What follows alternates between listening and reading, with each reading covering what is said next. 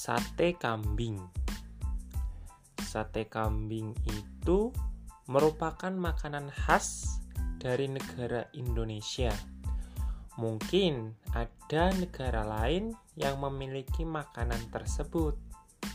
Namun, sate kambing dari Indonesia memiliki rasa yang khas dan mewakili cita rasa Indonesia, yaitu dengan daging yang ditusuk lalu dibakar dengan arang dicampur dengan bumbu kecap, bumbu kacang, bisa pedas ataupun tidak.